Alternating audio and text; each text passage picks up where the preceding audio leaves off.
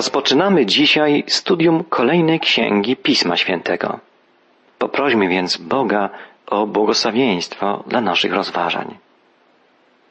Drogi Boże, dziękujemy Ci za możliwość poznawania Twojego słowa. Otwórz nasze duchowe oczy i uszy, żebyśmy mogli zrozumieć i przyjąć Twoje słowo jako żywe, duchowe ziarno. Spraw, by wydało ono w naszym życiu obfity plon. Rozpoczynamy lekturę drugiego listu Piotra. List ten napisał Szymon Piotr, sługa i apostoł Jezusa Chrystusa, jak czytamy w pierwszym wierszu listu. List ten apostoł Piotr napisał najprawdopodobniej tuż przed swoją męczeńską śmiercią, około 67 roku naszej ery. Z tego względu drugi list Piotra nazywany jest często jego łabędzim śpiewem, podobnie jak drugi list do Tymoteusza zwany jest łabędzim śpiewem apostoła Pawła. Drugi list Piotra znalazł się w kanonie Nowego Testamentu dopiero w IV wieku naszej ery. Z różnych powodów kwestionowano Piotrowe autorstwo tego listu. Nad autentycznością drugiego listu Piotra zastanawiali się tak znani pisarze wczesnego kościoła jak Klemens Aleksandryjski, Orygenes czy Eusebiusz. Hieronim pisał Szymon Piotr napisał dwa listy zwane powszechnymi, ale drugiemu z nich wielu odmawia autentyczności, ponieważ różni się stylem od pierwszego. Hieronim zaakceptował jednak drugi list jako pismo pochodzące od Piotra. Najprawdopodobniej list ten zredagował nieznany nam sekretarz, piszący pod nadzorem i w imieniu Piotra. Podobnie zresztą jak pierwszy list zredagowany został przez Sylwana. To wyjaśnia różnicę stylu obu listów. Wątpliwości co do kanoniczności drugiego listu Piotra przecięła ostatecznie decyzja Soboru Trydenckiego. Drugi list Piotra wykazuje na tyle dużo podobieństw do pierwszego listu i zawiera tak wiele osobistych szczegółów, że wystarcza to, by zgodnie z tradycją uznać Piotra za autora tego listu. Powiedzmy teraz kilka słów o temacie listu. Drugi list Piotra, jako łabędzi śpiew apostoła, przypomina nam drugi list do Tymoteusza, napisany przez apostoła Pawła, także na krótko przed jego męczeńską śmiercią. Zarówno Paweł, jak i Piotr wspominają w swoich ostatnich listach o zbliżającej się śmierci i czynią to w sposób pozbawiony żalu, smutku. Wyznają z radością, że wypełnili swoje zadanie i że są świadomi, iż nadszedł czas ich odejścia do Pana. Apostoł Paweł pisał, Dobry bój bojowałem, biegu dokonałem, wiarę zachowałem, a teraz oczekuje mnie wieniec sprawiedliwości. W podobnym duchu wypowiada się w swoim liście apostoł Piotr. Będziemy mówić o tym, studiując dokładnie jego list. Paweł i Piotr pozostawiają w swoich ostatnich pismach wielki znak ostrzeżenia. Ostrzeżenia przed odstępstwem i przed uleganiem błędnym naukom. Niebezpieczeństwo herezji zagraża zarówno nauczycielom, jak i zwykłym członkom wspólnot chrześcijańskich. Jedyną skuteczną obroną przed błędnymi naukami jest wzrastanie w poznaniu Jezusa Chrystusa. Piotr pisze, iż wytrwałość w prawdziwej wierze jest możliwa tylko dla tego, kto poznaje Jezusa Chrystusa. Chodzi nie tylko o poznanie faktów z życia Jezusa, nie tylko o wiedzę o Nim. Chodzi o poznanie Jego samego. Jezus, modląc się do Ojca, powiedział, to jest życie wieczne, aby poznali Ciebie, jedynego prawdziwego Boga i Jezusa Chrystusa, którego posłałeś. Poznanie Boga Poznanie Jezusa nie oznacza jedynie intelektualnego zaakceptowania Chrystusa, ale zmianę całej moralnej postawy człowieka, przemianę życia. Człowiek, który poznał Jezusa, który związał się ze Zbawicielem, nie będzie podatny na wpływ błędnych nauk. Przesłaniem listu Piotra jest więc nie tylko ostrzeżenie przed niebezpieczeństwem odstępstwa, ale także wskazanie jedynie pewnej obrony, wzrastania w poznaniu Jezusa Chrystusa. Kluczowym wierszem całego listu jest jego końcowy werset. Wzrastajcie w łasce i w poznaniu Pana naszego i Zbawiciela, Jezusa Chrystusa. Jemu niech będzie chwała teraz i po wieczne czasy. Apostoł Piotr ostrzega w swoim drugim liście przed ludźmi, którzy stanowią zagrożenie dla jedności Kościoła. Będziemy mówić o tym wiele w czasie dokładnego studiowania treści listu. Dzisiaj wymieńmy cechy ludzi, których drugi list Piotra napomina. Pismo Święte interpretują oni na swoją korzyść i ku własnej wygodzie. To po pierwsze. Swoim zachowaniem poniżają chrześcijańską wiarę. Są chciwi, bez skrupułów wykorzystują swoich bliźnich. Są już potępieni, jak pisze Piotr, i dlatego podzielą los grzesznych aniołów. Ludzi żyjących przed potopem, mieszkańców Sodomy i Gomory i fałszywego proroka Balaama są niejako kontynuatorami. Są podobni do nierozumnych zwierząt, kierujących się ślepymi instynktami i całkowicie uległych swoim porządliwościom. Ich oczy są pełne cudzołóstwa, są zuchwali, pełni arogancji, rozwięźli. Nawet w czasie dnia oddają się niepohamowanej rozpuście. Mówią dużo o wolności, a są niewolnikami własnych porządliwości. Nie tylko sami błądzą, ale i innych wprowadzają w błąd. Są gorsi od tych, którzy nigdy nie poznali prawdy, ponieważ poznawszy prawdę, wrócili do zła, jak pies wraca do swoich wymiocin, a umyta świnia wraca do błota. Tak drastycznych obrazów używa Piotr, by uświadomić grozę powrotu do zła, człowieka, który już poznał prawdę. Apostoł kreśli wyraźny obraz ludzi, którzy wykorzystują łaskę Bożą dla usprawiedliwiania swoich grzechów. Ci źli ludzie zaprzeczają powtórnemu przyjściu Chrystusa. Dowodzą, że świat jest niezmienny, że wszystko pozostaje po staremu, ponieważ Bóg działa opieszale i powtórne przyjście Chrystusa nigdy się nie urzeczywistni.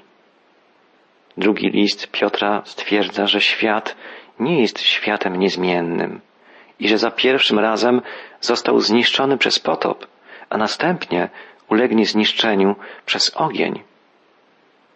To owi ludzie uważali za zwlekanie Boże to, co jest tak naprawdę dowodem Jego cierpliwości, gdyż Bóg pragnie dać ludziom czas na pokutę. Nadejdzie jednak dzień zagłady, dzień sądu. Powstaną nowe niebo, niebiosa i nowa ziemia. Dlatego dobroć, moralność to konieczne warunki uniknięcia sądu Bożego przez człowieka. Zadaniem chrześcijanina jest trwanie w solidnie ugruntowanej wierze i wzrastanie w łasce i poznaniu Jezusa Chrystusa. Taka jest w wielkim skrócie główna myśl i zasadnicza treść drugiego listu Piotra. Przejdźmy już do lektury i analizy treści samego listu. Jego początkowe słowa brzmią następująco. Szymon Piotr, sługa i apostoł Jezusa Chrystusa, do tych, którzy dzięki sprawiedliwości Boga naszego i Zbawiciela Jezusa Chrystusa otrzymali wiarę tak samo godną, jak i nasza. Zadajmy sobie pytanie, Kim są adresaci listu? Do kogo pisze Szymon Piotr? No to pytanie może być tylko jedna odpowiedź. W przeciwieństwie do Izraelitów, byli oni poganami z pochodzenia. Zostali w szczególny sposób wybrani przez Boga. Ci, którzy kiedyś nie byli ludem Bożym, teraz są ludem Boga. Ci, którzy kiedyś byli obcymi i dalekimi Bogu, teraz stali mu się bliscy dzięki wierze i dzięki ofierze Chrystusa.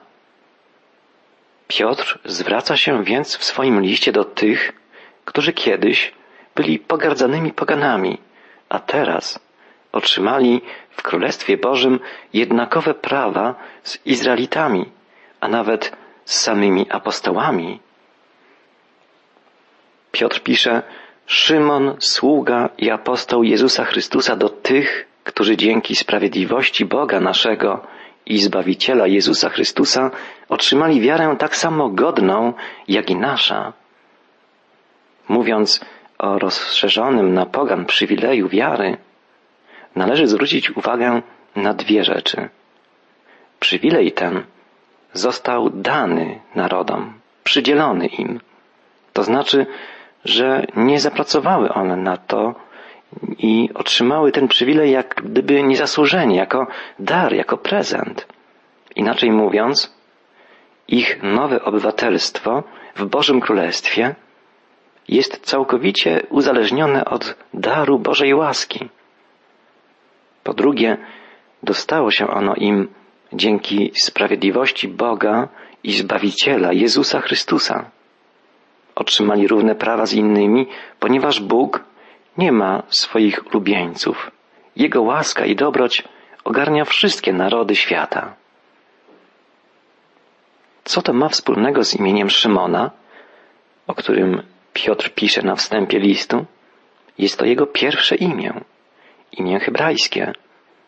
W Nowym Testamencie najczęściej nazywa się apostoła Piotrem, choć czasem występuje on jako Szymon. Pod imieniem takim, jakie nosił przed spotkaniem z Jezusem. I teraz, już jako apostoł Jezusa, Piotr określa się samego siebie jako Szymona. Występuje pod tym imieniem w relacji o naradzie jerozolimskiej także. Czytamy o tym w Księdze Dziejów Apostolskich w rozdziale 15. Była to narada apostołów, którzy zdecydowali o otwarciu drzwi Kościoła dla chrześcijan pochodzenia pogańskiego. Jakub powiedział tam, Szymon opowiedział, jak to Bóg pierwszy zatroszczył się o to, aby z pomiędzy pogan wybrać lud dla imienia swego. I teraz, w liście zaczynającym się pozdrowieniem chrześcijan pochodzenia pogańskiego, którzy z Bożej łaski otrzymali przywilej równych praw obywatelskich w Królestwie Bożym, Piotr jest nazwany również Szymonem. Nie jest to przypadek. Szymon, jednocześnie nazwany Piotrem, to ten człowiek, który otwiera drzwi. To on otworzył drzwi Korneliuszowi, pogańskiemu setnikowi. W czasie narady jerozolimskiej to jego autorytet zdecydował o otworzeniu drzwi szerokiemu gronu chrześcijan – wywodzących się z wszystkich narodów. A teraz Szymon Piotr pisze list do wszystkich wyznawców Chrystusa, którzy przechodzą przez trudny czas prześladowań i przypomina im o wielkim przywileju, jakiego dostąpili, by dodać im odwagi i otuchy. Szymon, nazwany Piotrem, określa siebie jako sługa, a właściwie niewolnik Jezusa Chrystusa. Greckie słowo występujące w oryginalnym tekście listu to doulos i naprawdę oznacza niewolnika.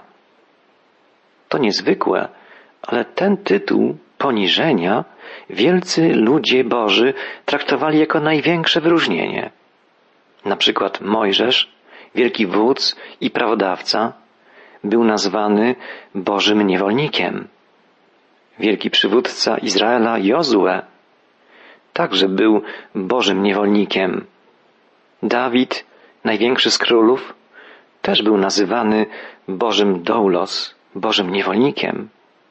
W Nowym Testamencie apostoł Paweł jest nazwany doulos, niewolnikiem Jezusa Chrystusa. Tytuł ten także dla siebie przyswoili Jakub i Juda. Czytamy o tym w ich listach apostolskich. Starotestamentowi prorocy są bożymi douloi, czyli niewolnikami. W Nowym Testamencie chrześcijanin często jest nazywany jako doulos Chrystusa. Wyrażenie to ma głębokie znaczenie. Nazywanie chrześcijanina Bożym doulos oznacza, że na zawsze jest on własnością Boga. Przecież w starożytnym świecie niewolnik był własnością swego Pana. Sługa może zmienić swego Pana, ale niewolnik nie. Chrześcijanin całkowicie należy do Boga. Nazywanie chrześcijanina Bożym doulos oznacza też, że zawsze jest on do dyspozycji Boga. W starożytności Pan czynił z niewolnikiem to, co chciał. Decydował o jego życiu i śmierci. Chrześcijanin nie posiada żadnych praw dla siebie, ponieważ wszystkie swoje prawa przekazał Bogu. Nazwanie chrześcijanina Bożym doulos oznacza, że jego obowiązkiem jest bezwzględne posłuszeństwo Bogu.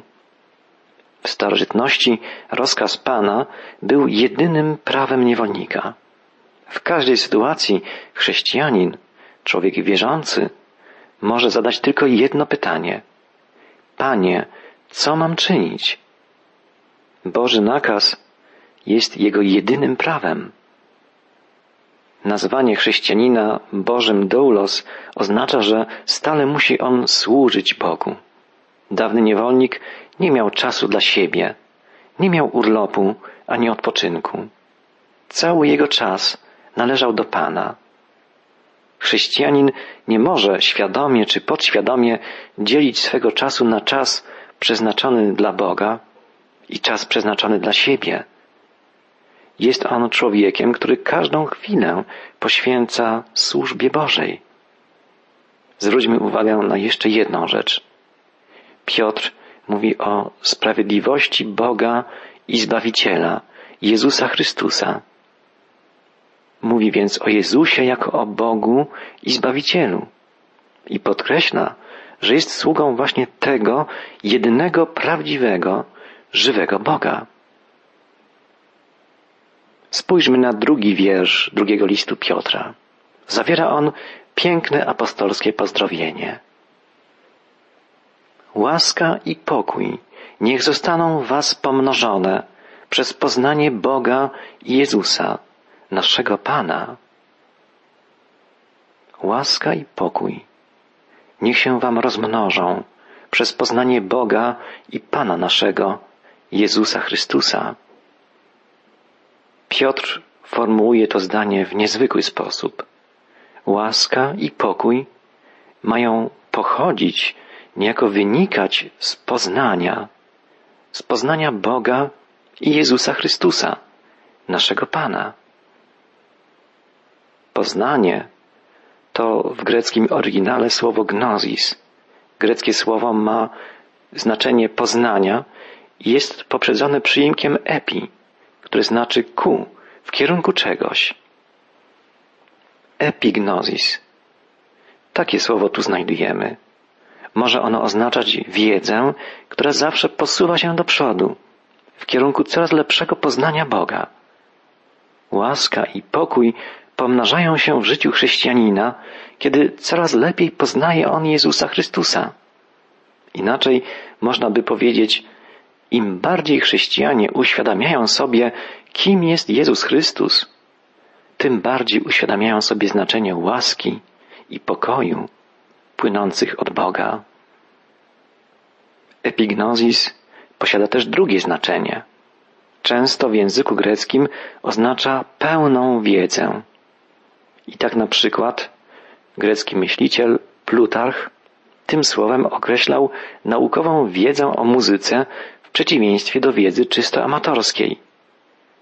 Dlatego tutaj może także to słowo oznaczać poznanie Jezusa Chrystusa na głębszym poziomie życia. Wiedza może dać nowe umiejętności, lepsze poznanie, właściwsze podejście, ale najwyższa wiedza, prawdziwe poznanie Jezusa Chrystusa obdarza ludzi potrzebną łaską i pokojem, za którymi tęsknią z całego serca. Tę myśl będzie Piotr apostoł rozwijał w całym swoim liście.